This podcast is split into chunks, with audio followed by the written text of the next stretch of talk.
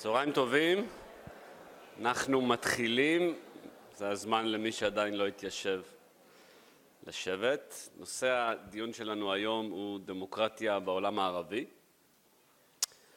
אה, לאורך כל השנים, כשסיפרתי לאנשים שזה הנושא שאני מתמחה בו, התגובה תמיד הייתה, אז אין לך הרבה עבודה. אה, אבל האמת היא שיש הרבה עבודה, ואפשר לומר אפילו יותר מזה, שאם יש שאלה אחת שהיא שאלה גורלית בדורנו, זו שאלת עתיד הדמוקרטיה בעולם הערבי, וכשאני אומר בדורנו אני מתכוון לא רק לחברות הערביות, אלא לעולם בכלל.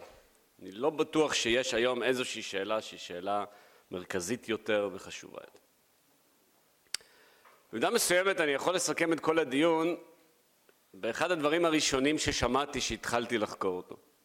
זה היה לפני הרבה שנים, וישבתי עם דיפלומט ערבי, ודיברנו, ושאלתי אותו על מצב הדמוקרטיה בארצו ועתידה וכולי. ובנקודה מסוימת, אחרי שהוא נתן הרבה מאוד הסברים שהיו מאוד אפולוגטיים, הוא אמר, טוב עזוב אותך משטויות, בוא אני אגיד לך את הדבר כפי שהוא. והוא סיפר לי סיפור על הבן שלו, שהיה תלמיד בבית ספר בינלאומי, בבית ספר אמריקאי. אז הוא אמר, לפני כמה ימים אני נוסע עם הבן שלי, והוא מוציא את היד מהחלון של האוטו. אז אני אומר לו, תחזיר את היד. הוא אומר, לא רוצה. אני אומר לו, תחזיר את היד. הוא אומר לי, לא רוצה. אז אני אומר לו, בפעם האחרונה, תחזיר את היד, אל תוציא אותה מהחלון. אז הוא אומר, מי אתה שתגיד לי מה לעשות? שאלתי, מה, ומה הקשר? הוא אמר, תראה, הדמוקרטיה שלכם טובה בשבילכם. כשאני אומר לבן שלי להוציא את היד מהחלון, אני רוצה שהוא יוציא את היד מהחלון.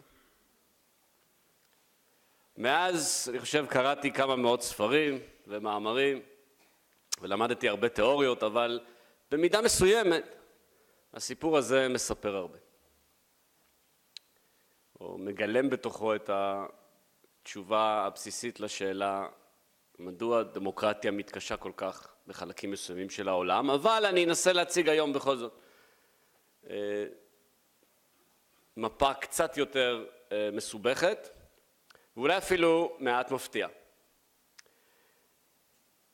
תראו, כשלומדים את שאלת הדמוקרטיה בעולם הערבי, אז יש שתי שאלות, ש...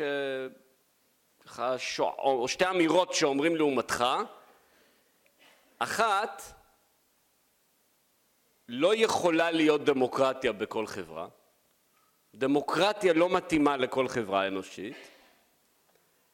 והשנייה, מי בכלל שם אותך לקבוע לאחרים מהי צורת המשטר הטובה בשבילם.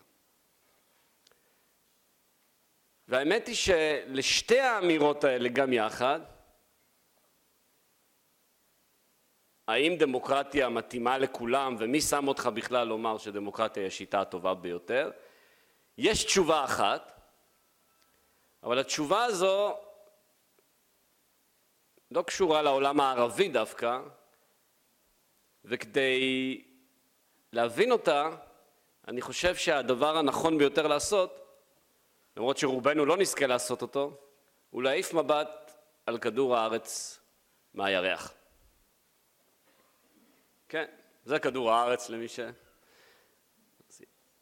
כששאלו אסטרונאוטים שחזרו מהירח וראו את כדור הארץ מנקודת המבט הזו, שאלו אותם, מהן שתי התופעות האנושיות, שני הדברים היחידים שהם מעשה ידי אדם, שיכולתם לראות מהירח? אז התשובה הייתה, אחד, החומה הסינית, נכון, זו התשובה שכולם מכירים. והתשובה השנייה הייתה, שמסתכלים על כדור הארץ מהירח, מבחינים בעוד משהו שהוא מעשה ידי אדם, או יותר נכון, מחדל ידי אדם. מסתכלים על דרום מזרח אסיה, שכדור הארץ הוא במצב של לילה של חושך, רואים שדה אדיר של אור. דמיינו לעצמכם מאות מיליוני מכוניות ונורות ומכשירי טלוויזיה מאירים ביחד בשטח שיש בו מאות מיליוני אנשים, אבל בתוך השדה הזה של האור רואים כתם שחור. כתם כהה כמו בצילום רנטגן שאנחנו לא רוצים לראות, ולכתם הכהה הזה בלילה, השחור, יש שם, צפון קוריאה. והסיבה היא נורא פשוטה. כי בצפון קוריאה אין אור בלילה. אין אור לרוב תושבי צפון קוריאה בלילה. לשליט יש. לשליט, כמו שאתם רואים, גם יש הרבה מזון. אבל לרוב התושבים אין. יש ספר שאני מבקש להמליץ עליו בחום. לדעתי היה צריך להיות קריאת חובה בכל בית ספר תיכון, הוא תורגם לעברית לפני שלוש שנים בערך, של ברברה דמיק, עיתונאית אה, אמריקאית, הוא נקרא אין מה לקנא. יצא לאור בהוצאת כרמל, והוא מביא עדויות של פליטים צפון קוריאנים שמצאו מקלט בדרום קוריאה והם מתארים מה זה לחיות בדרום קוריאה. בצפון קוריאה, כן. הם מתארים מדרום קוריאה מה זה לחיות בצפון קוריאה. והעדויות הן מדהימות, צריך לקרוא את זה כדי להאמין שבימים שבהם אנחנו חיים, במאה ה-21, מתקיימת חברה כזאת שהיא מעבר לדיסטופיה. קשה להאמין שהיא קיימת. אני אביא דוגמה או שתיים. בצפון קוריאה התזונה הממוצעת של גבר עובד היא 500 קלוריות ליום. כלומר שני פסק זמן. כשצריך לפחות 2,000-2,500.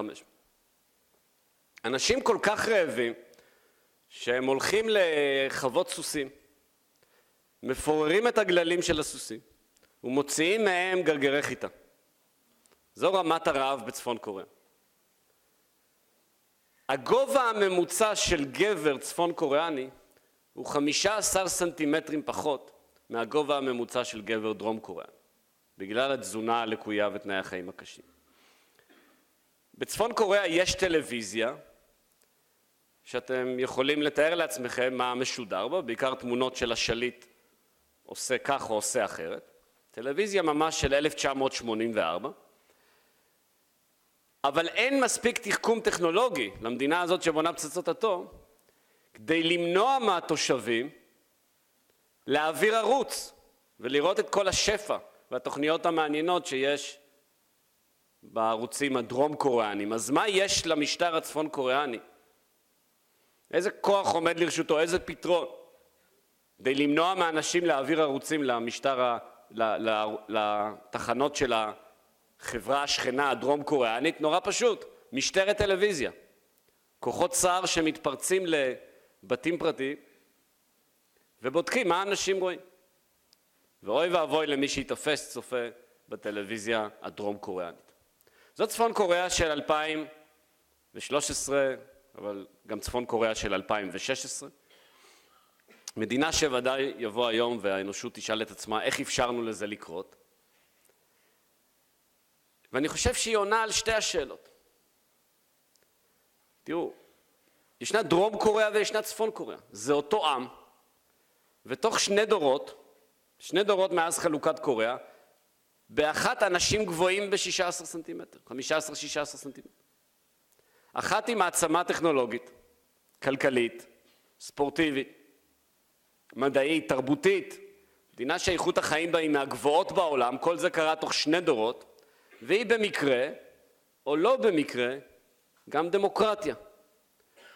והשנייה, אולי המדינה הנחשלת והקשה ביותר לחיים, בוודאי בחלק הזה של העולם, היא רודנות, רודנות סטליניסטית מהסוג הנתעב ביותר. כלומר, מצבם של הדרום קוריאנים טוב לאין שיעור ממצבם של הצפון קוריאנים, והדבר העצוב ביותר הוא שרבים מהצפון קוריאנים, על פי הספר, לא בהכרח יודעים עד כמה מצבם. אבל כאן אנחנו מגיעים לנקודה השנייה. לפני כ-70 שנה לא היו שני עמים קוריאנים. הייתה קוריאה אחת. היה עם קוריאני אחד, עם ניסיון היסטורי אחד, ללא מורשת דמוקרטית, ללא שום דבר שיתמוך במורשת דמוקרטית, ואז באופן שהוא כמעט שרירותי, תוצאה של חלוקות של המלחמה הקרה, נוצרה דרום קוריאה ונוצרה צפון קוריאה, ודרום קוריאה, שהייתה תחת השפעה מערבית לא מבוטלת, התפתחה בהדרגה להיות דמוקרטיה. היא לא התחילה בדיוק כדמוקרטיה, וגם המעבר שלה לדמוקרטיה לא היה קל, אבל היא התפתחה בהדרגה להיות דמוקרטיה. וצפון קוריאה צמחה להיות הרודנות הסטליניסטית שהיא. אבל אלה אותם קוריאנים. אם תרבות הייתה התנאי להיות דמוקרטיה, אם מורשת הייתה התנאי להיות דמוקרטיה, אם דמוקרטיה הייתה עניין גנטי, בשתי הקוריאות לא הייתה דמוקרטיה או שכן הייתה דמוקרטיה, אבל יש באחת מהן דמוקרטיה. במובן הזה, חצי אי הקוריאני מלמד אותנו שהוא חשוב גם על העולם הערבי. שאלה למה אין דמוקרטיה בעולם הערבי, למה דמוקרטיה מתקשה כל כך לצמוח בעולם הערבי, היא שאלה די חדשה במחקר. ויש סיבה שהיא חדשה. יש סיבה שההתעניינות הגדולה, העצומה שיש בה, היא התעניינות אה, די של העשורים האחרונים. משום שמי שהסתכל על מפת העולם בתחילת שנות ה-70, לא ראה את היעדר הדמוקרטיה בעולם הערבי כיוצא דופן. הדמוקרטיה הייתה יוצאת הדופן. רוב רובה של האנושות חיה במשטרים רודניים. או לכל הפחות סמכותני. איפה בעצם הייתה דמוקרטיה? בחלק ממדינות מערב אירופה, בצפון אמריקה, באוסטרליה, ניו זילנד, יפן וישראל. אלה הדמוקרטיות של העולם באמצע שנות ה-70. וכל אחת מהן כמעט הייתה דמוקרטיה במצוקה. שנות ה-70 זה הרגע בהיסטוריה שבו חוקרים פרו-דמוקרטים שואלים ברצינות גמורה האם יש עתיד לדמוקרטיה. או שאולי דמוקרטיה היא רעיון טוב אבל לא רעיון שיכול לעבוד. מדוע? כי אנחנו רואים את ארצות הברית של פרשת ווטרגייט, של משבר הנפט, של הכישלון בווייטנאם, פעם הראשונה בהיסטוריה שדמוקרטיה לא מנצחת במלחמה.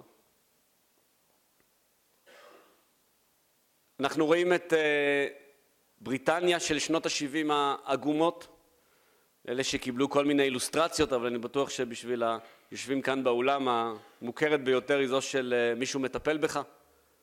חנות הכלבו הלא מתפקדת שהייתה משל לחברה מעמדית מתפוררת.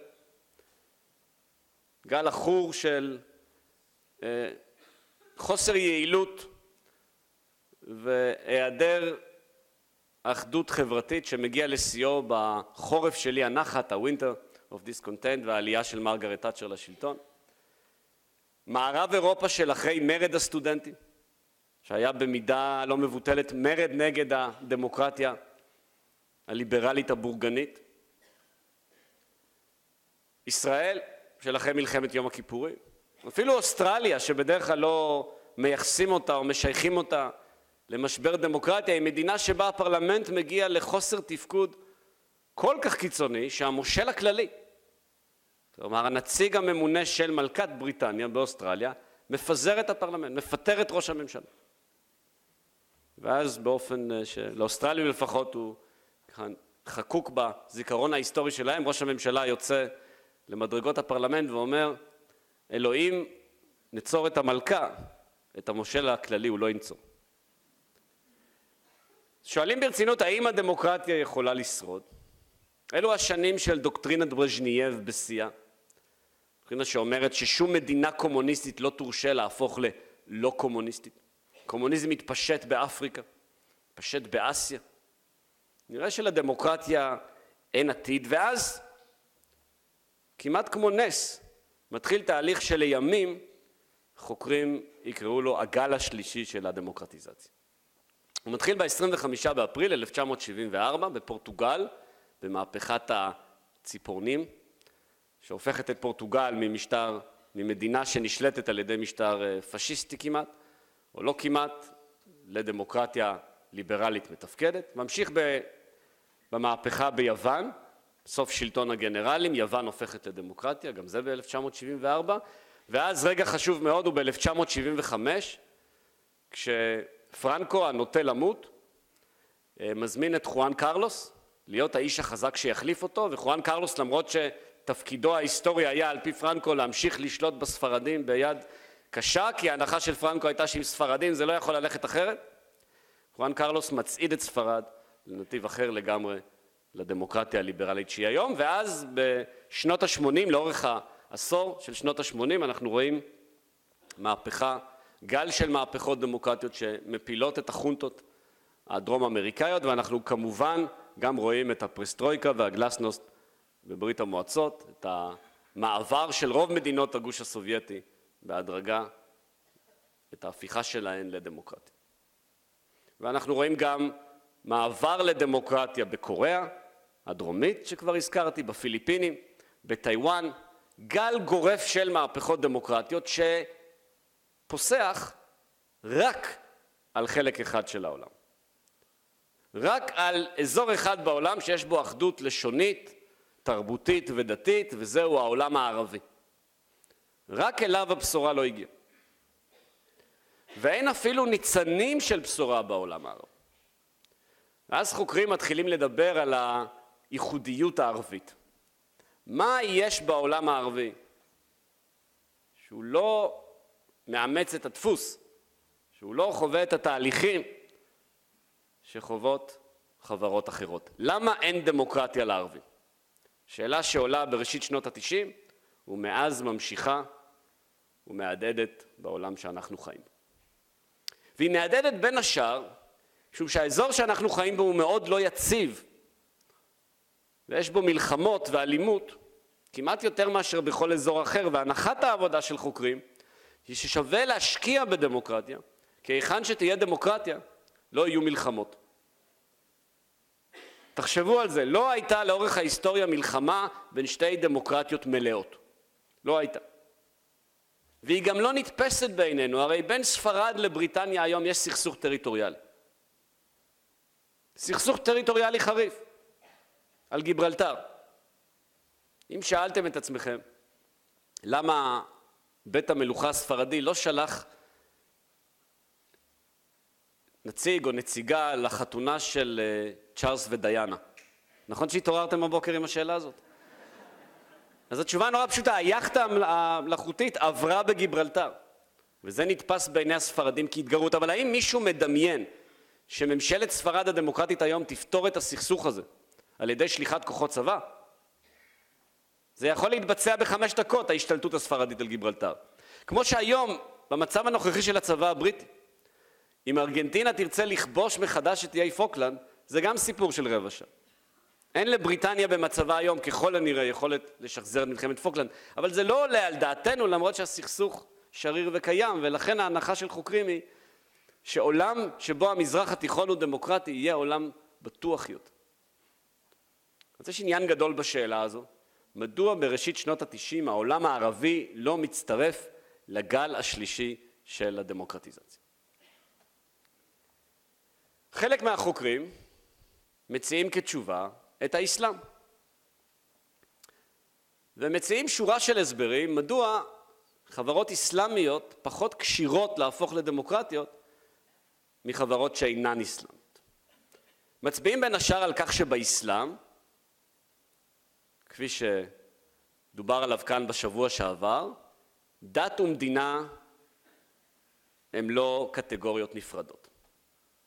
דין הוא ודאולה, האסלאם הוא דת והוא מדינה. הנביא הביא איתו בשורה פוליטית שהיא גם בשורה רוחנית.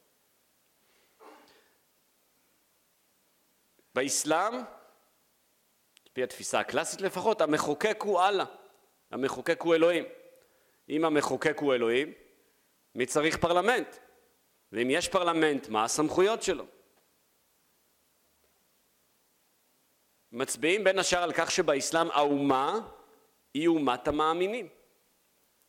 אומה תחת הריבונות של אלוהים.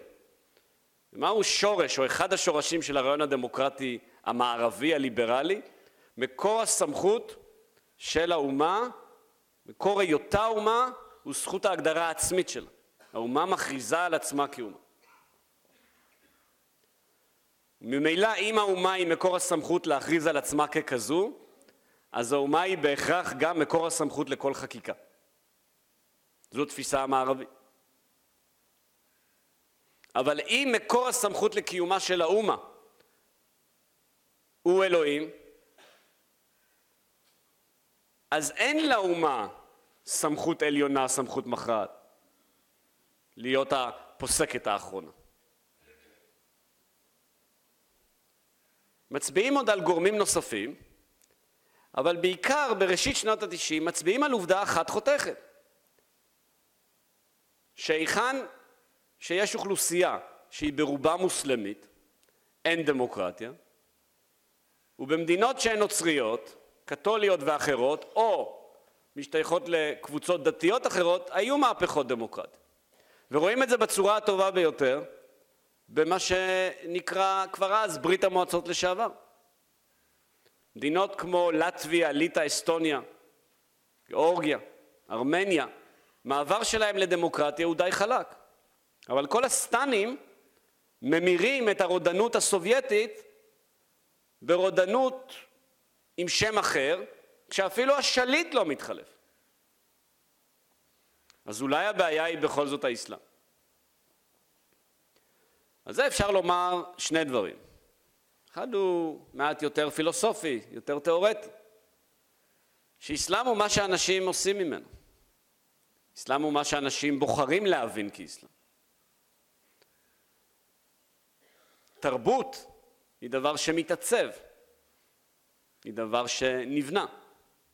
לכן העובדה שמוסלמים לא דמוקרטים ברגע נתון בהיסטוריה לא אומרת שהם לא יכולים להפוך לדמוקרט. וכשיעור בצניעות לעניין הזה, נכון מאוד ללכת לספרייה ולקרוא את הספרות המדעית שהסבירה בשנות ה-70 וה-80 מדוע נכשלה הדמוקרטיה באמריקה הלטינית. ושם התשובה הייתה בעיקרה כי הם קתולים עם מורשת ספרדית, מורשת לטינית ספרדית. מה עושים עכשיו עם הספרים האלה? אבל בשנות התשעים ואחריהן קורה משהו שמרסק לחלוטין את הרעיון שהבעיה של העולם הערבי עם דמוקרטיה היא שהם מוסלמים. והמשהו הזה בפשטות הוא שורה של מהפכות דמוקרטיות במדינות מוסלמיות שאינן ערביות, שהחשובה והמרכזית ביניהן מתרחשת באינדונזיה. מדינה מוסלמית קטנה, אזור ה-300 מיליון תושבים, כלומר כמו כל העולם הערבי, שב-1998-99 נפרדת מהרודנות ששלטה בה, ללא שפיכות דמים, ומאז מבססת דמוקרטיה יציבה. דמוקרטיה יציבה. אתם יודעים אגב מה ההגדרה במדעי המדינה למעבר מוצלח מדמוקרטיזציה לכינון של דמוקרטיה יציבה? כשיש פעמיים בחירות ויש בהן חילופי שלטון. כי פעם אחת, כמו שהיה ברשות הפלסטינית, לעשות בחירות, זה קל. החוכמה היא הפעמיים. וזה לא פרמטר, זו לא אמת מידה שקל לעמוד בה. על פי ההיגיון הזה, ישראל הפכה לדמוקרטית מתי? לא. 77 זה פעם אחת. 92. 92, כלומר רק ב-92 ישראל יכלה לקבל את החותמת של מדעני מדינה שהיא דמוקרטיה מתפקדת יציבה. היו פעמיים חילופי שלטון מלאים בין שני כוחות פוליטיים גדולים. ואגב, היו מדעני מדינה ישראלים שדיברו על אפשרות שהליכוד אי פעם יזכה בשלטון כנקודת הרתיחה של הדמוקרטיה הישראלית. אמרו, אם הליכוד יזכה בשלטון לא תהיה העברת שלטון. והייתה, זה לא מובן מאליו. זה לא מובן מאליו. אבל אנחנו רואים דמוקרטיזציה באינדונזיה, ואנחנו רואים דמוקרטיזציה בניגריה, מדינה, המדינה המוסלמית הגדולה במה שפעם כינו אפריקה השחורה, ואנחנו רואים דמוקרטיזציה בטורקיה, שמוליכה היום למשטר שהוא דמוקרטי אבל לא ליברלי, אבל טורקיה בשנות התשעים יותר דמוקרטית מזו של שנות השמונים, וזו של שנות האלפיים יותר דמוקרטית משנות התשעים. פחות ליברלית לחלוטין. ואנחנו רואים התקדמות דמוקרטית במלזיה, אנחנו רואים שבפקיסטן ובבנגלדש לדמוקרטיה יש, דמוקרטיה לאו דווקא ליברלית, יש תקופות יפות יחסית, ואנחנו רואים את אלבניה המוסלמית באירופה שהיא דמוקרטיה, ואת בוסניה, ואחר כך את קוסובו, ואנחנו רואים גם מיעוטים מוסלמים, מאות מיליונים, בהודו למשל, ובאירופה, ובארצות הברית, שחיים במשטרים דמוקרטיים ומסתדרים איתם יפה מאוד. למעשה אנחנו חיים היום בעולם שבו קרוב למחצית מהמוסלמים בעולם הם תושבים של מדינות שאפשר להגדיר דמוקרטיות. ואם זה כך, אם זה כך, הבעיה כנראה לא באסלאם. הבעיה כנראה לא באסלאם. לוגית זה לא מסתדר. אני לא יכול לטעון שכל היושבים בעולם, באולם לובשים חולצה אדומה ולהמשיך לעמוד ולהרצות על זה בלהט אם יש שלושים איש מתוכם שלא לובשים חולצה אדומה. אני אעשה מעצמי צחוק. אני לא יכול לעמוד כאן ולהציע הסברים למה המוסלמים לא יכולים לחיות בדמוקרטיה כשקרוב ל-50% מהמוסלמים בעולם חיים תחת משטר דמוקרטי. אז צריך לחפש את ההסבר במקום אחר. ואולי לפני שאנחנו מחפשים אותו במקום אחר, אפרופו ההערה שנשמעה כאן על דמוקרטיה ולא ליברלית, חשוב אולי שאני אומר מילה, כי זה לא מובן מאליו, כשאני אומר דמוקרטיה, למה אני מתכוון? הגדרה שלי, הדבר שאני מחפש, היא המצומצמת ביותר שאפשר להעלות על הדעת, והיא ההגדרה של קרל פופר. דמוקרטיה היא שיטה שבה מחליפים את השלטון או לפחות אפשר להחליף את השלטון, ללא אלימות. זו דרישה צנועה מאוד. אני לא מציג את השאלה מה, מהו מעמד האישה בדמוקרטיה, והאם חופש העיתונות הוא מלא ומוחלט. אני אומר, כדי שבחברה יתקיימו התנאים שאפשר יהיה להחליף את השלטון ללא אלימות, ממילא הכרחי שתהיה מידה מסוימת של חופש ביטוי, תהיה מידה מסוימת של חופש אספה. היא תהיה מידה מסוימת של שוויון כלכלי, או לפחות של היעדר חוסר שוויון כלכלי מוחלט. אחרת אי אפשר יהיה להחליף את השלטון ללא אלימות. וקל מאוד להסתבך בעניין הזה ולומר, רגע, באינדונזיה לאחרונה בית המשפט העליון קבע שאסור להפיץ גיליונות של פלייבוי. למרות שנדמה לי שעכשיו הבעיה הזאת נפתרה. אז היא דמוקרטיה, היא לא דמוקרטיה? לא זו השאלה. השאלה היא אחרת. באינדונזיה יודעים את תוצאות הבחירות בעשר ודקה, ולא בתשע חמישים ותשע. זו דמוקרטיה. ולפחות בארבעה מקרים, מפלגה, תנועה אחת הוחלפה בתנועה אחרת, בבחירות חופשיות, ללא אלימות. זו דמוקרטיה. שהעולם הערבי יגיע לזה, לפני שמדברים על השאלה האם לנשים יש זכויות מלאות כמו לגברים, האם להומוסקסואלים יש זכויות מלאות אה, כמו לאחרים, לפני שמגיעים לכל זה. שהעולם הערבי יגיע למקום שבו תוצאות הבחירות יהיו ידועות רק אחרי שמצביעים. אז אם זה לא האסלאם, אם העניין הוא לא האסלאם, או לפחות לא באופן בלעדי האסלאם, היכן נמצא את הפתרון? יהיו חוקרים שהצביעו על הרעיון הבא. הם אמרו, כדי שחברה תהיה דמוקרטית, היא חייבת להיות מודרנית. אין דמוקרטיה יציבה ללא מודרניזציה. למה? כי בחברה לא מודרנית אין מעמד בינוני, אין ידיעת קרוא וכתוב, אין קהילה מדומיינת, אז יכול להיות שאנשים ילכו להצביע, אבל אין משמעות להצבעה שלהם. כשנקודה שחוקרים תמיד מדגישים אותה היא קיומו של מעמד בינוני יציב והעיקרון וההיגיון הם פשוטים מאוד. בחברה שאין בה מעמד בינוני יציב המשמעות של בחירות, של הצבעה, היא זעזוע מוחלט של הסדר החברתי-כלכלי ולכן האליטות השולטות לא יאפשרו בחירות חופשיות. אם אחוז מההון מרוכז אצל 99% מהאוכלוסייה ו-99% מההון מרוכזים אצל אחוז מהאוכלוסייה, האחוז ששולט ב-99% מההון לא ירצה שה-99% יקבעו את גורלו, כי מה הדבר הראשון שהם יעשו בפרלמנט? חלוקה מחדש של ההון.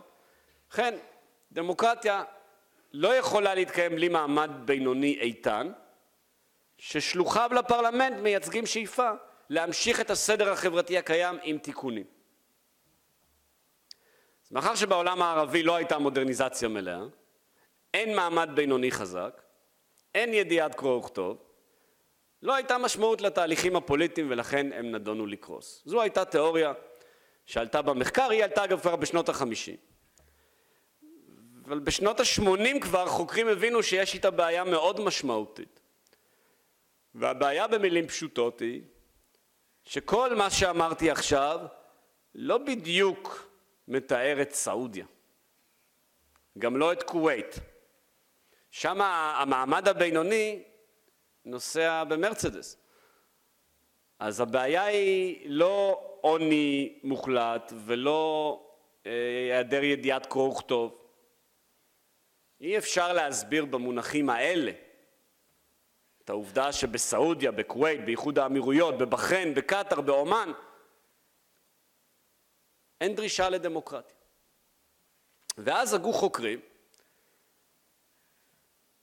את המודל הבא, הוא נקרא מודל מדינת הקצבה. והוא מסביר את היעדר הדמוקרטיה הייחודי לעולם הערבי בטענה שיש קשר בין כלכלה מבוססת נפט או משאב טבעי אחר לבין היעדר דמוקרטיה. והרעיון הוא מאוד מאוד פשוט. מאוד פשוט. מהו שורש הדמוקרטיה בעולם האנגלו-אמריקאי? המגנה קרטה, תביעה להתחשב בדעתם לקבל את הסכמתה של האצולה משום שהיא משלמת מיסים. והמהפכה האמריקאית היא בראשיתה לא מרי למען עצמאות. הסיסמה של המהפכה האמריקאית היא לא אנחנו רוצים רפובליקה והיא גם לא אנחנו רוצים להיפרד מבריטניה, הסיסמה היא אין מיסוי ללא ייצוג. כך באה לעולם ארצות הברית של אמריקה. אם אנחנו משלמים מיסים לווסטמינסטר, לא יכול להיות שלא יהיה לנו קול בפרלמנט. כלומר, ביטוי פוליטי כפונקציה של תשלום מיסים. כמו שהיו קוראים לזה פעם, גם אני שותף. ואין דבר הרי שהאמריקאים יותר אוהבים לעשות מלהתפרץ לאיזה משרד ממשלתי ולהגיד כאזרח משלם מיסים אני תובע ש... אבל את זה קשה מאוד לעשות בסעודיה. מהטעם הפשוט שהאזרחים לא כל כך משלמים מיסים. הם מקבלים הרבה אבל הם לא נותנים שום דבר. סעודיה זה המדינה של אל תשאל מה אני יכול לעשות בשביל המדינה, תשאל מה אתה יכול לקחת ממנה. המדינה הסעודית דואגת לך מהעריסה לקבר. והיא יכולה לעשות את זה כי יותר מ-90% מההכנסות שלה הן ממשאב טבעי, זו הקצבה. היא קיבלה מתנה, על פי הסעודים היא לא קיבלה אותה סתם. אלוהים דאג שהנפט יהיה דווקא בסעודיה. והמתנה הזו מאפשרת לאוכלוסייה לגדול באופן שהוא כמעט טפילי. עכשיו צריך לראות את הדברים האלה בעיניים כדי להבין, היה לי מזל, הייתי בקטאר כשעוד אפשר היה, ואם לא הייתי שם לא הייתי מאמין שדבר כזה קיים באמת. עיר כמו אה, דוחה. וחברה שהמושג של עבודה לא, לא ממש קיים בה, לאותם מאה אלף שזכו בלוטו והם אזרחים קטרים. כלומר, יש משרדים ויש בהם מחשבים, ואנשים קמים סביבות 11 והולכים למשרדים ולמחשבים. אבל הרעיון שאם לא תעבוד, לא יהיה לך אוכל, לא תהיה לך קורת גג, לא קיים למאה אלף האלה. באותו אופן, אין מדרכות. אני שמתי לב לזה באיזשהו שלב מאוחר, כי כמה פעמים כמעט נדרסתי, אין מדרכות. כי מדרכות זה להולכי רגל. מי הולך ברגל בקטאר בחמישים מעלות חום?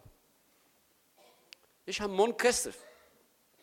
והרעיון של אה, תאורטיקנים של מודל מדינת הקצבה הוא נורא פשוט.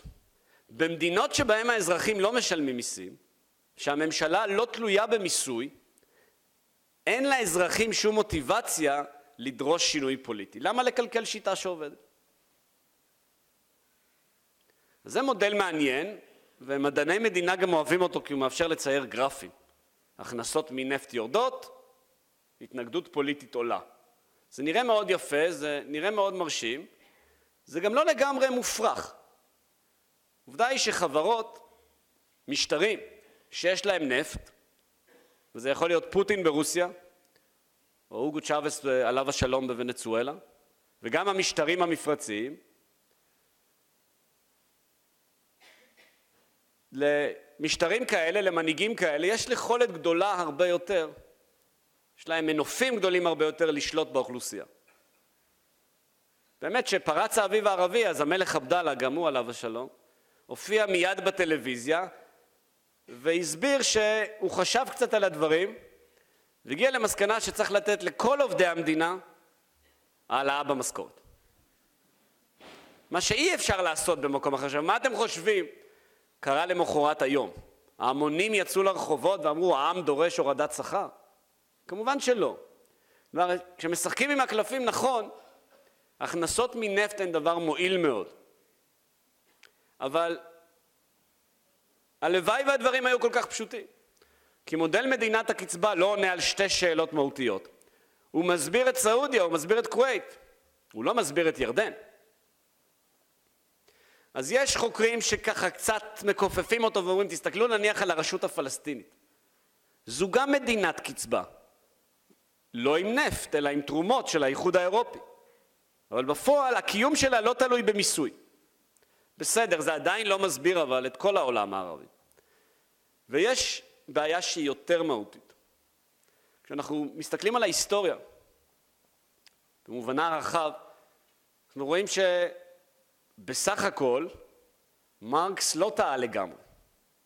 ההוויה קובעת את התודעה. כשהבטן של אנשים מלאה, כשהם מרוצים ממעמדם החברתי, הם פחות נוטים לדרוש שינוי דרמטי. אבל, שנייה, אבל, אבל, אם נסתכל על הביוגרפיה של מרקס עצמו, נראה שהאנשים שמחוללים את השינוי בהיסטוריה הם הרבה פעמים כאלה שיוצאים נגד האינטרס המעמדי שלהם, נגד הנוחות האישית שלהם. מרקס לא היה בדיוק עובד במכרה פחם, הוא היה אינטלקטואל יהודי. הוא לא ביטא את הזעקה של עצמו, זו הייתה זעקה של אחרים. לאורך כל ההיסטוריה, אנשים שמחוללים מפנה גדול הם הרבה פעמים כאלה שיוצאים נגד האינטרס המעמדי של עצמם. אי אפשר לרדד בני אדם לכלב. תאכיל אותו, יהיה מבסוט. תאכיל, תוציא לטיול, יהיה מבסוט. לא. ואם אנחנו מסתכלים על המקרה הסעודי, אוסמה בן לאדן לא בא ממשפחה ענייה.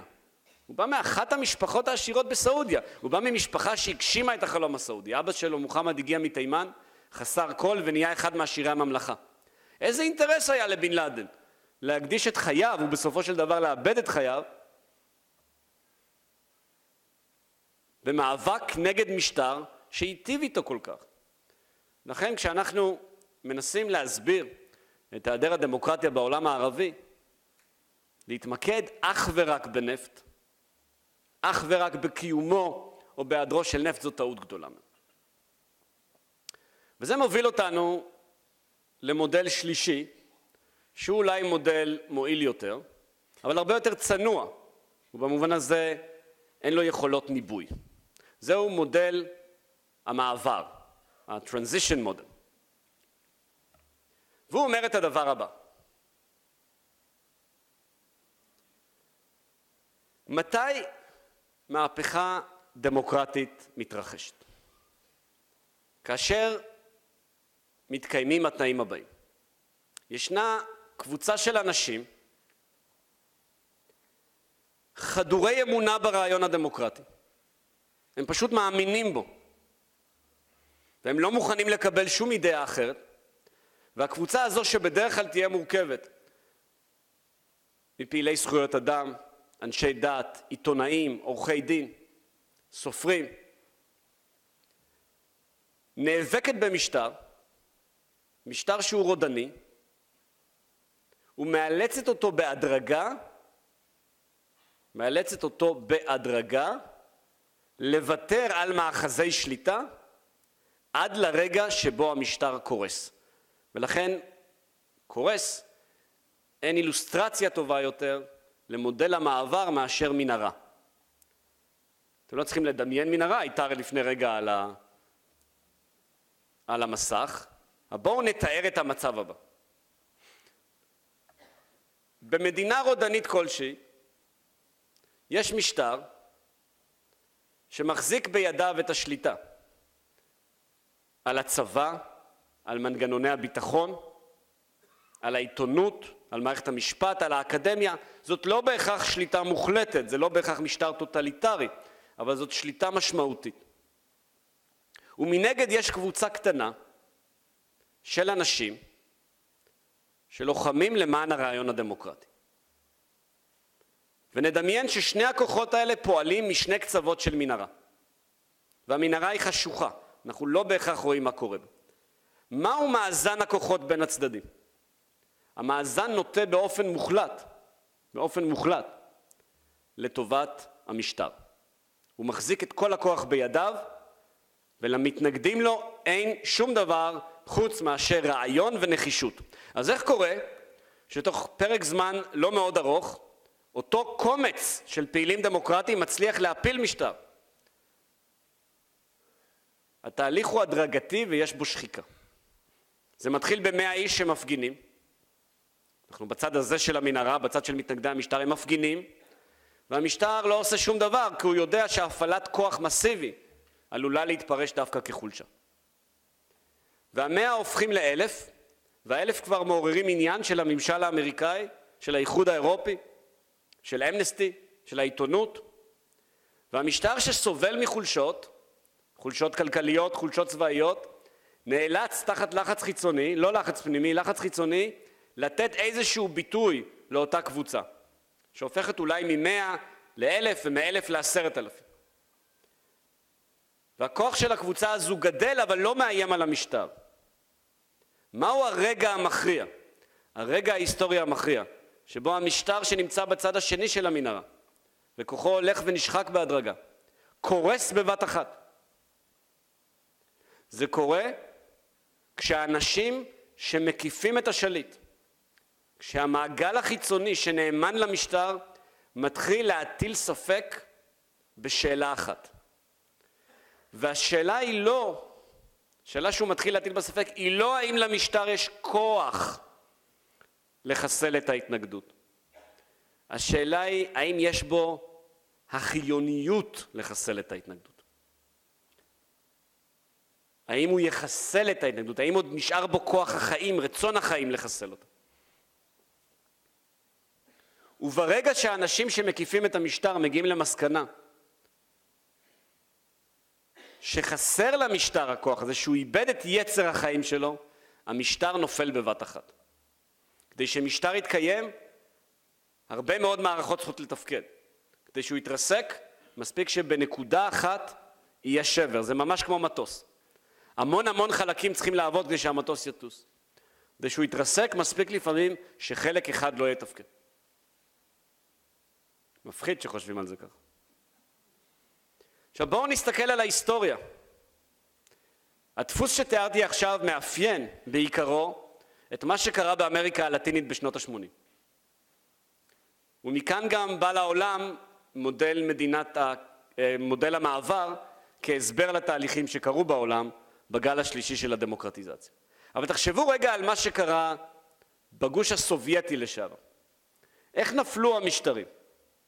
איך התמוטט הדבר הזה שנקרא הגוש המזרחי? הגוש הקומוניסטי באירופה, איך הוא התמוטט?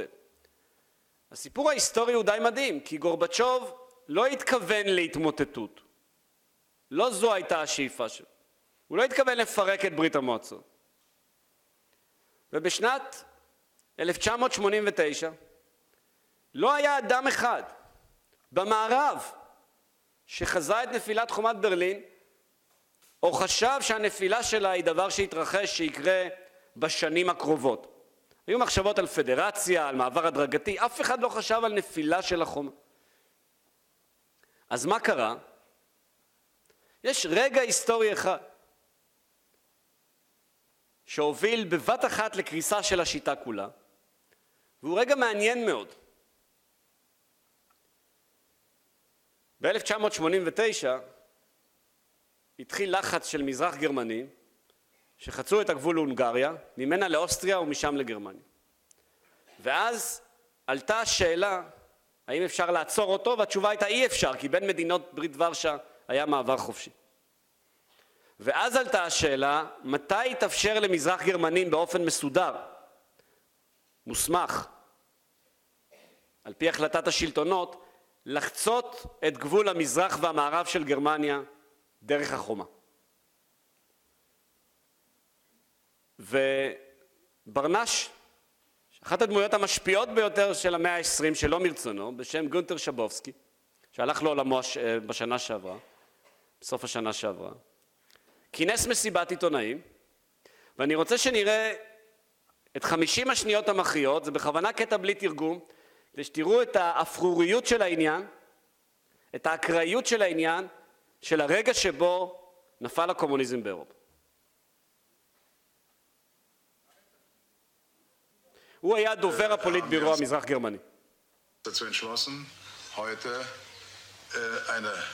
Regelung zu treffen, die es jedem Bürger der DDR möglich macht, über Grenzübergangspunkte der DDR auszureisen. Wie die Presseabteilung des Ministeriums hat der Ministerrat beschlossen, dass bis zum Inkrafttreten einer entsprechenden gesetzlichen Regelung durch die Volkskammer diese Übergangsregelung in Kraft gesetzt wird. Also doch, doch, ständige Ausrüstung können alle Grenzübergangsstellen der DDR zur BRD bzw. zu Berlin-West erfolgen. Bitte? Ab sofort. Also Genossen, mir ist hier also mitgeteilt worden, dass eine solche Mitteilung heute schon äh, verbreitet worden ist. Sie müsste eigentlich in Ihrem Besitz sein. Das tritt nach meiner Kenntnis ist das sofort. Unverzüglich. השאלה שהוא נשאל היא פשוטה מאוד. הוא הודיע שממשלת מזרח גרמניה משנה את מדיניותה. אפשר יהיה לעבור את החומה. ואז הוא נשאל, ראיתם את המבוכה שלו, ממתי זה נכנס לתוקף? ואתם רואים אותו מתבלבל עם הניירות, אתם, אתם רואים שהאיש הזה הוא לא בדיוק uh, מאור גדול, מתבלבל עם הניירות נבוך, ואז הוא אומר את המילים ששינו את ההיסטוריה. אבזופורט. כלומר, מרגע זה. מאות אלפי מזרח גרמנים נהרו באותו ערב, חצו את החומה ואכלו מקדולנדס. משום מה זה היה הדבר שהם היו להוטים לעשות. והקומוניזם במזרח אירופה התמוטט, אבל מה השאלה המעניינת בעיניי? לא השתנו באותו ערב הפקודות של החיילים בגבול. כלומר, הם היו אמורים לירות, והם לא ירו. אבל למה הם לא ירו? הם לא ירו מסיבה נורא פשוטה. כי באותה נקודת זמן הם הבינו שהמחיר של ציות לפקודה סביר מאוד להניח שבקרוב מאוד יהיה יותר חמור מהמחיר של ציות. זה נקרא אשתו של הרב סרן. משטר קורס ברגע שבו הרב סרן חוזר הביתה ואומר יש כאלה שאומרים שיהיה ככה ויש כאלה שאומרים שיהיה ככה, מה לעשות? והאישה אומרת לו אתה תעמוד על הקווים. אני לא יודעת לאן זה הולך להתפתח. אומרים במכולת שהמשטר עומד ליפול. באותו רגע המשטר נופל. באותו רגע בשעת המבחן הראשונה נופל, והוא לא צריך ליפול בכל המדינה. מספיק שהוא נופל בנקודה אסטרטגית אחת מכרעת. היו שמועות לאורך 1990 ו-91 שהקושרים בברית המועצות עומדים להפיל את גורבצ'וב. והם עשו את זה. הם הפילו אותו. והם תפסו את השלטון, זה אוגוסט 1991, והיו קרובים מאוד להחזיר את ההיסטוריה לאחור. וכל זה קרס תוך שלושה ימים מסיבה נורא פשוטה. כש-20 אלף איש יצאו לכיכר הקרמלין, ו-20 אלף איש זה לא הרבה מאוד, החיילים לא הסכימו לירות עליהם, הצבא לא הסכים להשתתף. והקושרים קרסו. אבל בסין, שבה יצאו שני מיליון איש לרחובות, המשטר היה נחוש, והוא חיסל את ההתקוממות. כלומר, כשאנחנו מסתכלים על המנהרה, המנהרה המטאפורית שנקראת מודל המעבר, הדבר שחשוב להסתכל עליו הוא לא כמה אנשים יש בצד הזה של המנהרה. יכולים להיות אלף ויכולים להיות עשרים מיליון, זו לא השאלה. השאלה היא עד כמה המשטר הלא דמוקרטי איתן, נחוש, יעשה כל דבר כדי להחזיר את הסדר על כנו. יש ספר שוודאי כולם כאן קראו, לבד בברלין. תחשבו איזה דבר מטורף מתואר שם. משטר מתפורר, משקיע משאבים אדירים בלאתר את מי? זוג ישישים שמפזרים איגרות שאף אחד לא רואה. אבל הוא לא עושה את זה בגלל הפחד מהמרי החלש הזה, הוא עושה את זה מתוך הבנה שאם הוא לא יעשה את זה, יגיד קצין אחד לקצין שני, תגיד, הם כבר לא כמו פעם נחושים. זה הפחד הגדול. כשאנחנו מסתכלים על מפת העולם הערבי בראי מודל המעבר, שאלה שאנחנו שואלים משתנה. שאלה הופכת להיות, האם יש בעולם הערבי אנשים שמאמינים אמונה איתנה בדמוקרטיה, מאמינים באידיאל הדמוקרטי, מוכנים למות למענו, לא מקבלים שיטה אחרת, והאם לעומתם ישנם משטרים שאחיזתם, נחישותם, מתרופפת עד לנקודה שבה הם לא יכולים להמשיך להתקיים. כשאנחנו מסתכלים על אירועי האביב הערבי, מודל המעבר נראה פתאום רלוונטי מאוד. בואו נחשוב לרגע מה קרה במצרים. הייתה התרגשות גדולה, יוצאים המונים לכיכר תחריר, מיליונים. קודם כל לא יצאו מיליונים לכיכר תחריר, פשוט כי לא יכולים להיכנס במיליון. ושנית, הפגנות נגד מובארק לא היו דבר כל כך נדיר במצרים של טרום האביב הערבי. היו הפגנות נגד מובארק גם לפני כן, של תנועת כיפאיה, והתביעה הייתה אחת, שמובארק לא יוריש את השלטון לבנו גמל, כי מצרים היא לא מלוכה, היא רפובליקה. התביעה הייתה שמובארק לא יהפוך את מצרים לגומלוקיה, כלומר לרפובליקה מלוכנית, כפי שקרה בסוריה ובמקומות אחרים. אבל ההפגנות בכיכר תחריר, שקיבלו השראה מההפיכה המוצלחת בתוניסיה, היו גדולות יותר ומטרידות, והגיעה הנקודה שבה מובארק הבין, בגלל האנשים סביבו, שאם הוא לא יפגין נחישות ויחסל את המהומות, שלטונו בסכנה. והוא רצה לעשות את מה שעשו באיראן. בערך שנה קודם, באיראן גם היה ניסיון להוביל מהפכה דמוקרטית. ויצאו מאות אלפים לרחובות, והיו להם אמצעי טכנולוגיה מתקדמים.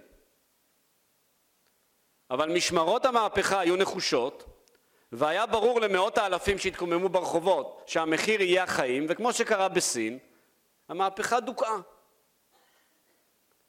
ומובארק רצה לעשות אותו דבר. אגב, תנוח דעתכם, לא היה צריך להרוג מאה אלף איש בכיכר תחריר כדי לחסל את המהפכה. מספיק היה להרוג אלף, היתר היו מתפזרים לבד, היו מבינים את הרמז. ותנוח דעתכם, ארצות הברית הייתה מוסרת הצהרה מאוד uh, חריפה וכולי, אבל בזה זה היה נגמר. כל מה שמובארק היה צריך כדי לדכא את המהפכה בכיכר תחריר, זה ששיחת הטלפון שלו עם הגנרל טנטאווי תסתיים אחרת. עכשיו, לא הייתי זבוב על הקו, אבל אני משער שהתגובה של טנטאווי הייתה אחת משתיים, וזה רק בגלל שהוא ג'נטלמן מנומס. אחת, אני מצטער אדוני הנשיא, אבל זה לא בסמכותי לשלוח חיילים לדכא את המהפכה, או שתיים, אני צריך לבחון את העניין בצינורות המקובלים. כך או אחרת, שעות ספורות אחרי שהצבא המצרי הבהיר שהוא לא יפעל באלימות נגד המפגינים, נפל משטר מובארק ומאז הוא בכלא. בלוב לעומת זאת ההתקוממות הייתה הרבה יותר מסיבית כי הייתה התקוממות אלימה נגד קדאפי אבל המשטר, גרעין התמיכה הבסיסי של המשטר נשאר נאמן לקדאפי וקדאפי היה ככה קרוב לחסל את ההתקוממות נגדו. הצרה היא שיש לו ילדים עם פה גדול ואחד מהם, סף אל אסלאם, הופיע בטלוויזיה ואמר משהו בסגנון מחר אנחנו ניכנס למעוז המורדים, נהרוג את כולם ונגמור את הסיפור. וזה באמת מה שהם התכוונו לעשות, רק לא היה נבון לומר את זה, כי האיום ברצח המוני, בפשעים נגד האנושות, נתן לבריטניה ולצרפת קזוס בלי, והן הצטרפו למבצע, או יותר נכון יזמו מבצע להפלת קדאפי, וכך נפל שלטון קדאפי.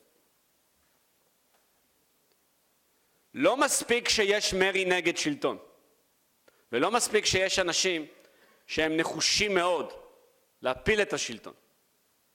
צריך שהמשטר יאבד את האנרגיה שלו, יאבד את האמונה ביכולתו לשרוד. יאבד את ה... לא נעים לומר, את האכזריות שלו. אבל מה קורה אחרי שמשטר נופל? האם זה מבטיח לנו דמוקרטיה? זה לא מבטיח לנו דמוקרטיה. כדי שתהיה דמוקרטיה צריך שהכוחות שיזמו את המהפכה, גם אם הם דמוקרטיים, יהיו חזקים מספיק כדי לבסס את המשטר כדמוקרטי. ועל כן השאלה המעניינת ביותר שצריך לשאול ביחס לעולם הערבי של אחרי מהפכות האביב הערבי, שכידוע לא הובילו לדמוקרטיה יציבה בשום מקום, השאלה המרכזית שצריך לשאול היא, באיזו מידה יש לנו בעולם הערבי אנשים שהם דמוקרטיים, שהכוח המניע שלהם, השאיפה הפוליטית הגדולה שלהם, האידאה שמנחה אותם בחיים, זה הרעיון שאין ולא תהיה שיטה טובה יותר מדמוקרטיה, ממשטר שמאפשר את החלפתו ללא אלימות. האם יש לנו אנשים כאלה בעולם הערבי? האם במצרים של היום יש כוחות כאלה? האם בתוניסיה של היום יש כוחות כאלה? כדי להשיב על השאלה הזאת צריך להפנות את המבט לשני הכוחות העיקריים שפעלו באביב הערבי, הליברלים והאסלאמיסטים. צריך להפנות אליהם את המבט ולומר בקצרה איזו מגבלה בסיסית מונעת מכל אחד מהכוחות האלה לקיים משטר דמוקרטי יציב. המגבלה הבסיסית של הליברלים הערבים היא שהם חלשים מאוד בדעת הקהל. הם מועטים מאוד וחלשים מאוד. היו בחירות במצרים של אחרי המהפכה. בבחירות האלה כמעט לא נבחרו לפרלמנט ליברלים. כמעט לא נבחרו ליברלים. וגם הליברלים שנבחרו הם כאלה שלפחות לגבי חלקם נאמנותם לעקרונות הליברליים ואפילו נאמנותם לעקרונות הדמוקרטיים מוטלת באיזשהו ספק. אז איפה הדמוקרטים ואיפה הליברלים? איפה האנשים ששאיפת חייהם היא לחיות במדינה שלפני כל דבר אחר תהיה כזו שבה המשטר מוחלף ללא אלימות? מה מקור החולשה של הליברליזם בעולם הערבי? אולי הגדול ביותר הוא שהוא נוסה והוא נכשל.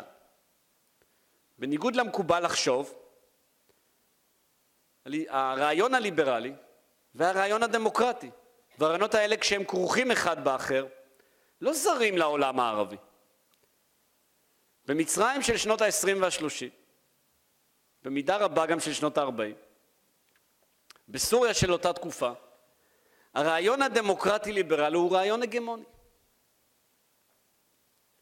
מבחינה פוליטית. אבל יש איתו שתי בעיות כבדות מאוד.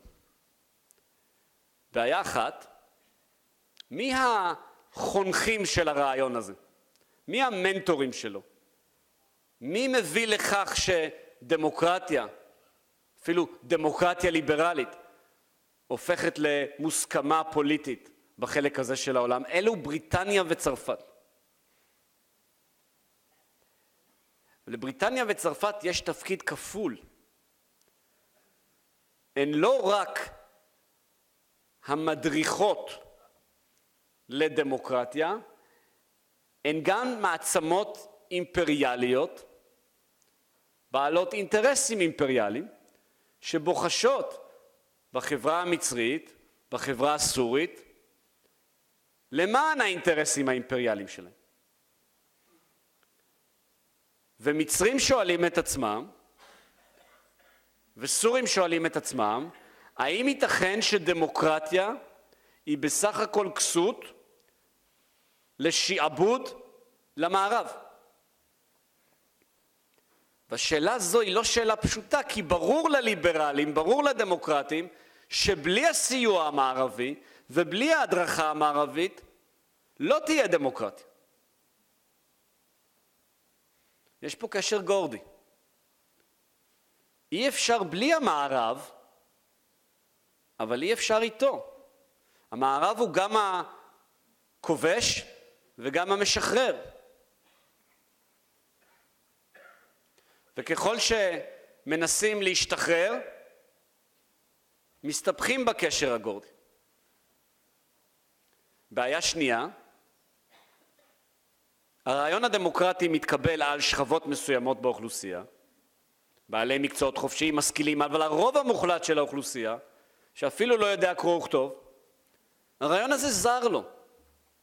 הרעיון הזה חיצוני לו. הוא לא מבין למה זה כל כך חשוב. כלומר, אין לדמוקרטיה שורשים עממיים חזקים. עם הבעיות האלה החלק הליברלי של העולם הערבי מתמודד עד היום. כשאמריקה, כשארצות הברית הודיעה על כוונתה לפלוש לעיראק, שם המבצע לא היה בוא נמצא את הנשק להשמדה המונית, שם המבצע היה עיראק פרידום. ארצות הברית יצאה למלחמה בעיראק בניגוד לדעה המקובלת במטרה מוצהרת להביא דמוקרטיה לעיראק. עוד נדבר על זה במפגש אחר. אבל שאלו את עצמם אז ליברלים ערבים, מה המשמעות של דמוקרטיה? מה המשמעות של חירות פוליטית אם היא נעשית בחסות טנקים אמריקאים? איזו מין חירות זו? איזו מין, איזה מין חופש זה? והבעיה הזו של אי אפשר בלי המערב ואי אפשר איתו, היא בעיה שמגבילה מאוד את הליברלים הערבים. והם נשארים במיעוט קטן בחברות הערביות. מיעוט קטן, זעום, בהרבה מקרים גם נרדף. ואת זה האביב הערבי לא שינה באופן מהותי. אבל יש קבוצה אחרת באוכלוסייה,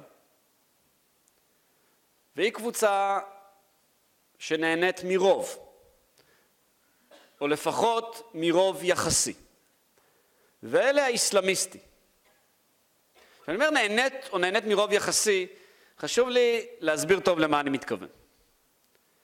לא היו כמעט בעולם הערבי בעשורים האחרונים בחירות חופשיות. אבל בכל פעם שהיו בחירות חופשיות, האסלאמיסטים ניצחו.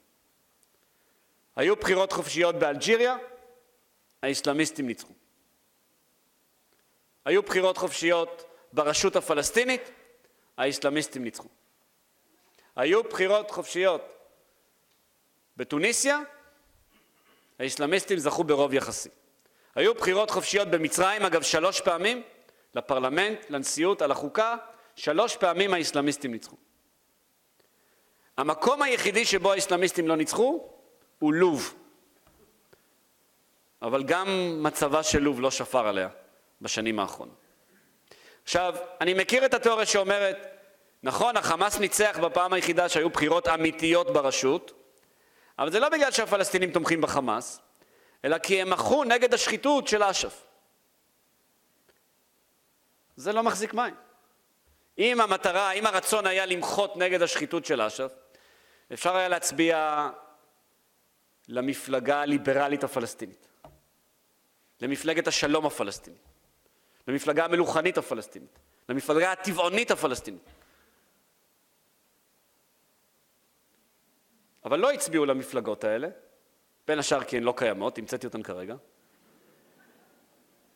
ולכן אנחנו צריכים לקבל את ההנחה ולכבד שאנשים הצביעו לתנועה שהם רצו בה. האסלאמיסטים ניצחו, אבל מה המשמעות של ניצחון האסלאמיסטים? וכאן אני מגיע לקראת סיום לשאלה שהיא אולי השאלה שהכי מטרידה אנשים. האם אסלאמיסטים, האם אנשי אחים מוסלמים, באמת מאמינים בדמוקרטיה, או שהדמוקרטיה בשבילם היא רק כלי? האם היא דמוקרטיה חד פעמית, שאחרי זה זורקים לפח, או שהיא דמוקרטיה מהותית? בוודאי לא תתפלאו לשמוע שהתשובה לשאלה הזו מורכבת. מדוע? יש איזו מחשבה שאיסלאמיסטים אומרים דבר אחד בערבית ודבר אחד באנגלית. לא נכון. אומרים בדיוק אותו דבר באנגלית שאומרים בערבית. אבל הדבר הזה הוא מורכב ופתלתל, וכדי להבין אותו צריך להבין משהו מהותי על המחשבה האסלאמית המודרנית בזמננו. אני הולך לומר עכשיו דבר שיורחב מאוד בשבוע הבא בהקשר של דיון אחר, הדיון על מצב המדע בעולם הערבי. לעניין הדיון שלנו היום, אני אתמצת אותו בכמה משפטים. תראו, התפיסה הבסיסית של איסלאמיסטים לגבי המערב, לגבי תרבות המערב, היא לא שהמערב הוא רע מיסודו. לא ולא. התפיסה הבסיסית של איסלאמיסטים לגבי תרבות המערב היא שיש במערב דברים טובים ויש במערב דברים רעים. מקור הדברים הטובים הוא באסלאם, במפגש של המערב עם האסלאם. ועל כן, כאשר מוסלמים בני זמננו מסתכלים על המערב ומנתחים את ההצלחות שלו, ואין מחלוקת שיש לו הצלחות, אותם דברים ששורשיהם באסלאם, כאשר מאמצים את הדברים האלה בחברות מוסלמיות, זו לא בגידה באסלאם, זו חזרה לאסלאם. זה לא חיקוי של המערב, זה חזרה לאותנטיות. ועל פי התפיסה המקובלת, לא כקונצנזוס, אבל המקובלת בקרב תנועות אחים מוסלמים, הדמוקרטיה המערבית היא אסלאמית, בשורשיה. ממי למד המערב חירות פוליטית? מהמוסלמים, זאת דרך המפגש עם המוסלמים באנדלוסיה ובמסעי הצלב. מניין החל הרנסאנס המערבי? מתוך המפגש הזה עם העולם המוסלמי וההבנה שלא חייבים לחיות תחת טרור הכנסייה. האסלאם כדת דמוקרטית, האסלאם כציוויליזציה דמוקרטית, מניין זה בא? ובכן אומרים אנשי אחים מוסלמים, אם תקראו את הקוראן נכון, תמצאו בו את שורשי הדמוקרטיה. תמצאו בו את החובה שהטיל אלוהים על המאמינים לחיות בדמוקרטיה. חובה, אגב, לא זכות, חובה. כיצד? תקראו למשל את בשורת בית עמרם, פסוק 159, או את בשורת האשורה, פסוק 42. ותמצאו ששם אלוהים אומר למאמינים, ועניינם מוכרע במועצה, וייוועץ בהם בדבר. זה תרגום רובין. עניינם מוכרע במועצה וייוועץ בהם בדבר. אלוהים ציווה למאמינים לקיים שורה, היוועצות.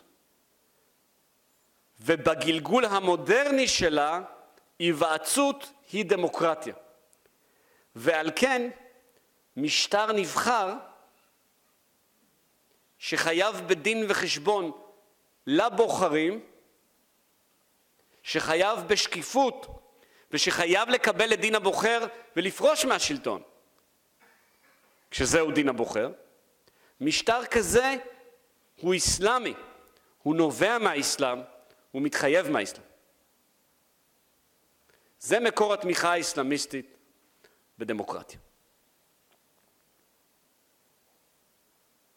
חופש הביטוי, כותבים אסלאמיסטים. חופש הביטוי שייך למוסלמים. חופש הביטוי הוא דבר שאלוהים ציווה למאמינים, נתן למאמינים, המערב חיכה את זה. המערב למד את זה אחרי מאות שנים של שפיכות דמים. אומרים למשל, כן, במערב העיתונות יכולה לבקר את השליט.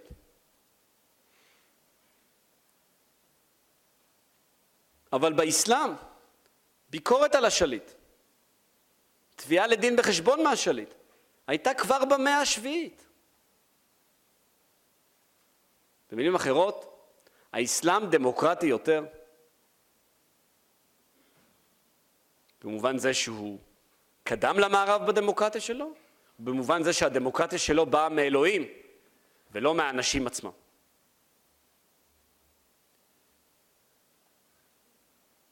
ועל כן אנחנו גם רואים בטקסטים אסלאמיים, לא פעם, עלבון.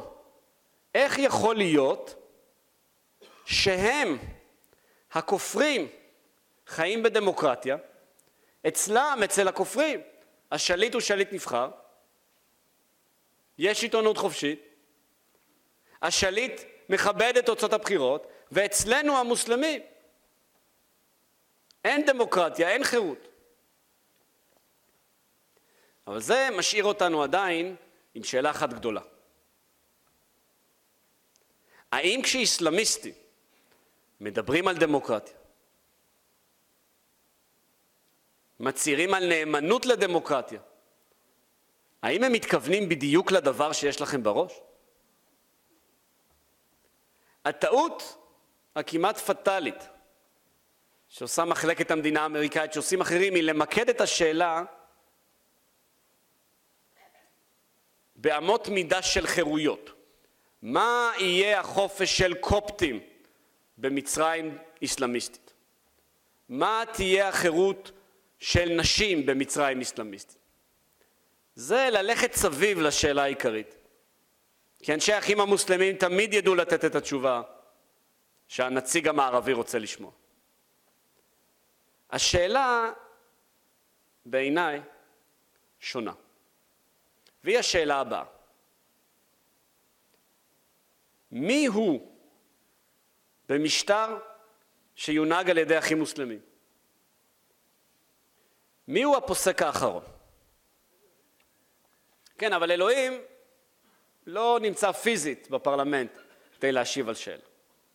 ולכן, השאלה היא השאלה הבאה. אנשי אחים מוסלמים קובעים את הנוסחה הזו. הם אומרים, במשטר בהנהגתנו יהיה חופש מלא, יהיו בחירות. הנשיא יהיה נשיא נבחר, הפרלמנט יהיה פרלמנט נבחר, והפרלמנט יהיה בעל סמכויות חקיקה. הם מצהירים את זה, וראינו אחרי האביב הערבי שהם גם קיימו את זה. אבל הם תמיד מוסיפים את המשפט הבא, בסוגריים. הפרלמנט יוכל לחוקק בכל נושא, חוץ מאשר בעניינים שאללה כבר חוקק בהם. כלומר, אם אלוהים אסר על שתיית אלכוהול, הפרלמנט לא יוכל לחוקק חוק שמתיר אלכוהול. אם אלוהים אסר על הפלות, פרלמנט לא יכול להתיר הפלות, והסיבה נורא פשוטה, בני אדם הם פגומים ואלוהים הוא מושלם. הפגום לא מתקן את המושלם. עכשיו זה יכול להישמע לכם מאוד רדיקלי, ולחתוך את הדיון, אם זה כך, אם זה כך, אז ברור שזו לא דמוקרטיה. אבל אז באים האסלאמיסטים ואומרים דבר שאי אפשר להתעלם ממנו, הם אומרים, הרי גם בארצות הברית הקונגרס לא יכול לחוקק כל חוק. יושבים נציגי קונגרס, יושבים צירים, שבחרו אותם 300 מיליון איש, מחוקקים חוק, ואז באים תשעה שופטים של בית המשפט העליון, או שמונה היום, ומבטלים את החוק. אז כמו שלאמריקאים יש חוקה, הם אומרים, גם לנו יש חוקה. ואם העם יקבל את הקוראן כחוקה, ביטול חוקים על סמך סתירה בינם לבין החוקה, הוא לא מעשה לא דמוקרטי. אם זה לא דמוקרטי, אז גם אמריקה היא לא דמוקרטית. וכאן הטיעון באמת נעשה מורכב, אבל עדיין יש שאלה שצריך להתעקש, להתעקש ולשאול את האסלאמיסטים. והיא השאלה הבאה.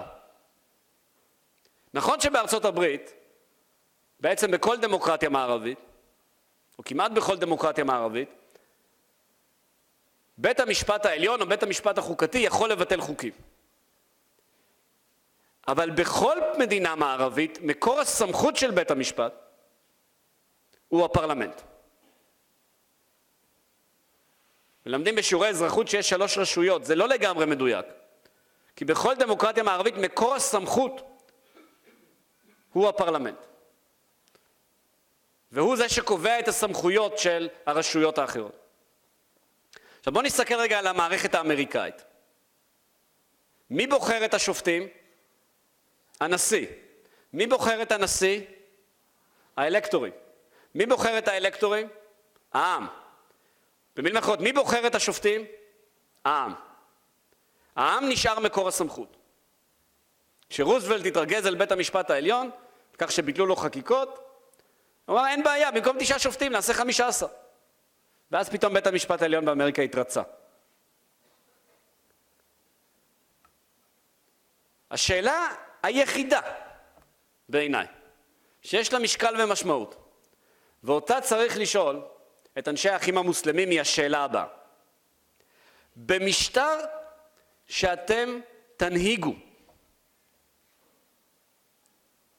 מה יהיה מקור הסמכות של הרשות השיפוטית שתקבע מהו חוק חוקתי ומהו חוק לא חוקתי? האם אלה יהיו אנשים שנבחרים בעקיפין על ידי העם? זה נקרא דמוקרטיה. או חכמי הלכה. זה נקרא תיאוקרטיה. זה כל כך פשוט. אם העם בוחר באופן עקיף את האנשים שמפרשים את החוקה, על אחת כמה וכמה אם הוא בוחר אותם באופן ישיר, זו דמוקרטיה. עכשיו, יכול להיות שאתם לא תאהבו את זה שהחוקה היא הקוראן. זאת בעיה שלכם. מבחינת תיאוריה דמוקרטית, זו דמוקרטיה. אולי לא תהיה ליברלית, אולי יחסה לנשים לא יהיה לרוחכם, אבל זו דמוקרטיה. אבל אם בעלי המילה האחרונה ממונים על ידי חכמי ההלכה או שהם חכמי ההלכה בעצמם, זאת לא דמוקרטיה, זאת תיאוקרטיה. אומרים אגב חכמי ההלכה, מה זה חכמי ההלכה בעולם הערבי, בעולם המוסלמי? אלה בעצם פרופסורים לאסלאם. אלה חכמי ההלכה, אלה אנשים שנמצאים בקצה הפירמידה של הממסד האקדמיה, האקדמי שלומד אסלאם, חוקר אסלאם, פוסק בענייני אסלאם. כלומר, באותה מידה שאני אומר שלטון תיאוקרטי, אני יכול להגיד משהו הרבה יותר מבהיל. שלטון האקדמיה. עכשיו אתם בטח רוצים לדעת את התשובה, נכון? אנחנו מתקרבים לשעה שתיים. מה אומרים אנשי אחים מוסלמים? במשטר שיונהג על ידי תנועת אחים מוסלמים, וילך בדרכה, למי תהיה המילה האחרונה? לחכמי ההלכה או לאנשים שנבחרים בעקיפין על ידי הציבור? אני בונה מתח. הנה התשובה. יותר ממאה שנה של הגות איסלאמיסטית, שאני רוצה לתת לעצמי את הקרדיט שאת רובה הגדול, המכריע, קראתי, בשאלה הזו, לא באופן כללי. אף פעם, אף אחד לא הלך את המייל הנוסף להשיב על השאלה הזו. והסיבה היא נורא פשוטה. כי אי אפשר להשיב עליה באופן משביע רצון. אם העם הוא הקובע, יש סכנה שההמונים שלא מבינים את הדת ימרדו בצו של אלוהים. אבל אם חכם ההלכה הוא הקובע, זו תיאוקרטיה, זה איראן. והרי הבטחנו לכם, אנחנו, החמאס, האחים המוסלמים במצרים, הנעדה בתוניסיה, הבטחנו לכם שזאת לא תהיה איראן. רנושי יורד מהמטוס אחרי האביב הערבי בתוניס, הוא אומר, זאת לא תהיה איראן. זה המילים הראשונות שלו, אף אחד לא שאל, הוא אומר, זה לא תהיה איראן. אבל אם חכמי ההלכה הם בעלי המילה האחרונה, זאת איראן. ואם חכמי ההלכה הם לא המילה האחרונה, הם לא בעלי המילה האחרונה, אז אפשר להחליט כמעט כל דבר. ואולי אפילו כל דבר. זו הדמוקרטיה שממנה חכמי ההלכה כל כך מפחדים. ואני חיכיתי במשך הרבה מאוד שנים שתהיה סוף סוף מהפכה במצרים, מסיבה מאוד אגואיסטית. אמרתי, יש הבדל בין לשבת ולכתוב מאמרים ומניפסטים ואפילו מצעי בחירות לבין לשלוט. אם יבוא יום והאחים המוסלמים אשכרה ישלטו במצרים, הם יהיו חייבים לענות על השאלה הזאת, נכון? לא יוכלו להמשיך להתחמק ממנה. הם יצטרכו לאמץ חוקה, או להעמיד למשאל עם חוקה, ובחוקה תהיה תשובה, מי ממנה את השופטים? למי יש המילה האחרונה? ובאופן די מדהים, הומצאה חוקה במצרים, שניסחו אותה אנשי אחים מוסלמים, וגם היא הצליחה להתחמק ממתן תשובה. היא קבעה שבשאלות שנוגעות להלכה, כלומר במעשה חקיקה שיש לו משמעות הלכתית, הפרלמנט ייוועץ עם אנשי אלעזר. אבל היא לא קבעה מה יקרה אם תוצאות ההתייעצות יהיו כאלה של אה, חילוקי דעות. והיא לא קבעה מי ימנה את אנשי אלעזר. והיא לא קבעה אם לאנשי אלעזר יש סמכות לפסול סעיפים בחוקה, כי הרי היה נכתב שצריך להתייעץ איתם. בקיצור, לא השיבו על השאלה, אבל 49% מתושבי מצרים שלא הצביעו למוחמד מורסי, 49% שהתנגדו לו, לא הצביעו בשבילו בבחירות, העריכו את התשובה. הנה, הגענו גם למורסי. העריכו את התשובה. כי הם קראו בין השורות. לא, אנחנו מדברים על זה שיושב בכלא, על מורסי. כן. מנהיג או לא מנהיג, המועמד של האחים המוסלמים לנשיאות. הם העריכו את התשובה בין השורות. כי כשקוראים טקסטים של אנשי אחים מוסלמים, של הוגים של האחים המוסלמים לאורך השנים, הם חוזרים ואומרים את הדבר הבא: יש לך בעיה רפואית, למי אתה הולך? לרופא. יש לך בעיה תכנונית, למי אתה הולך? למהנדס. יש לך ספק לגבי השאלה אם משהו מותר על פי האסלאם או אסור, למי תלך? לחכם הלכה. והפחד הגדול של הליברלים, הפחד הגדול של הליברלים, היה תנו להם עוד שנה בשלטון לאחים המוסלמים, תנו להם עוד שנתיים ואיראן זה כאן. הם נזהרים, הם הולכים צעד צעד, אבל כל המבנה המחשבתי שלהם, שבבסיסו עליונות הקוראן והקוראן כמדריך שלם לחיים, כל המבנה הזה מוביל למשטר שבו המילה האחרונה היא של האדם שיודע הלכה הכי טוב. ולכן ראינו דבר מדהים. ליברלים, דמוקרטים, האנשים שיצאו לרחובות במהפכה של כיכר תחריר, תומכים בהפיכה צבאית. וזה מה שהיה במצרים, הפיכה צבאית. והנה אנחנו רואים כאן את הקשר הגורדי הקשה מכולם להתרה. בחירות חופשיות בעולם הערבי, לפחות בעולם הערבי של ימינו, מעלות לשלטון תנועות שתומכות בדמוקרטיה, אבל המשנה שלהם היא באופן מהותי אנטי דמוקרטית. כלומר, מחיר הדמוקרטיה הוא ויתור על הדמוקרטיה. וזה מעמיד ליברלים בפני הבחירה בין משטר צבאי, שלטונות, משטרים רודניים כמו אלה שכבר היו, לבין דמוקרטיה חד פעמית, וזו לא בחירה טובה. זה קשר גורדי קשה מאוד. באינדונזיה גם יש תנועות אסלאמיסטיות, אבל כוחן קטן יותר.